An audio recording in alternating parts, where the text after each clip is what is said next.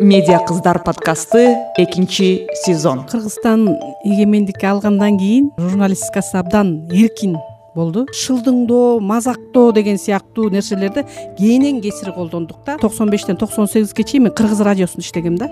Кыскаруу болуп мени эшикке сүрүп чыгарышты баарысы эң тиражы көп бизден пайшамба болуп чыкпады анан ошол кезден баштап сотко берүү деген өнөкөт башталды. Акаевдин учурунда бакиевдин учурунда деле сөз эркиндиги жок деп биз айта берчүбүз. Азыр салыштырып көрсөм ошол кезде сөз эркиндиги болуптур азыр жок болуп баратпайбы сөз эркиндиги. Азыр деле журналисттер уйдун бөйрөгүндөй болуп бөлүнүп турат. Эл масса каякка койсо сен ошол жака ооп атсаң анда сен ошол масса менен эле кете бер да анда журналистиканы таштап эле коюш керек да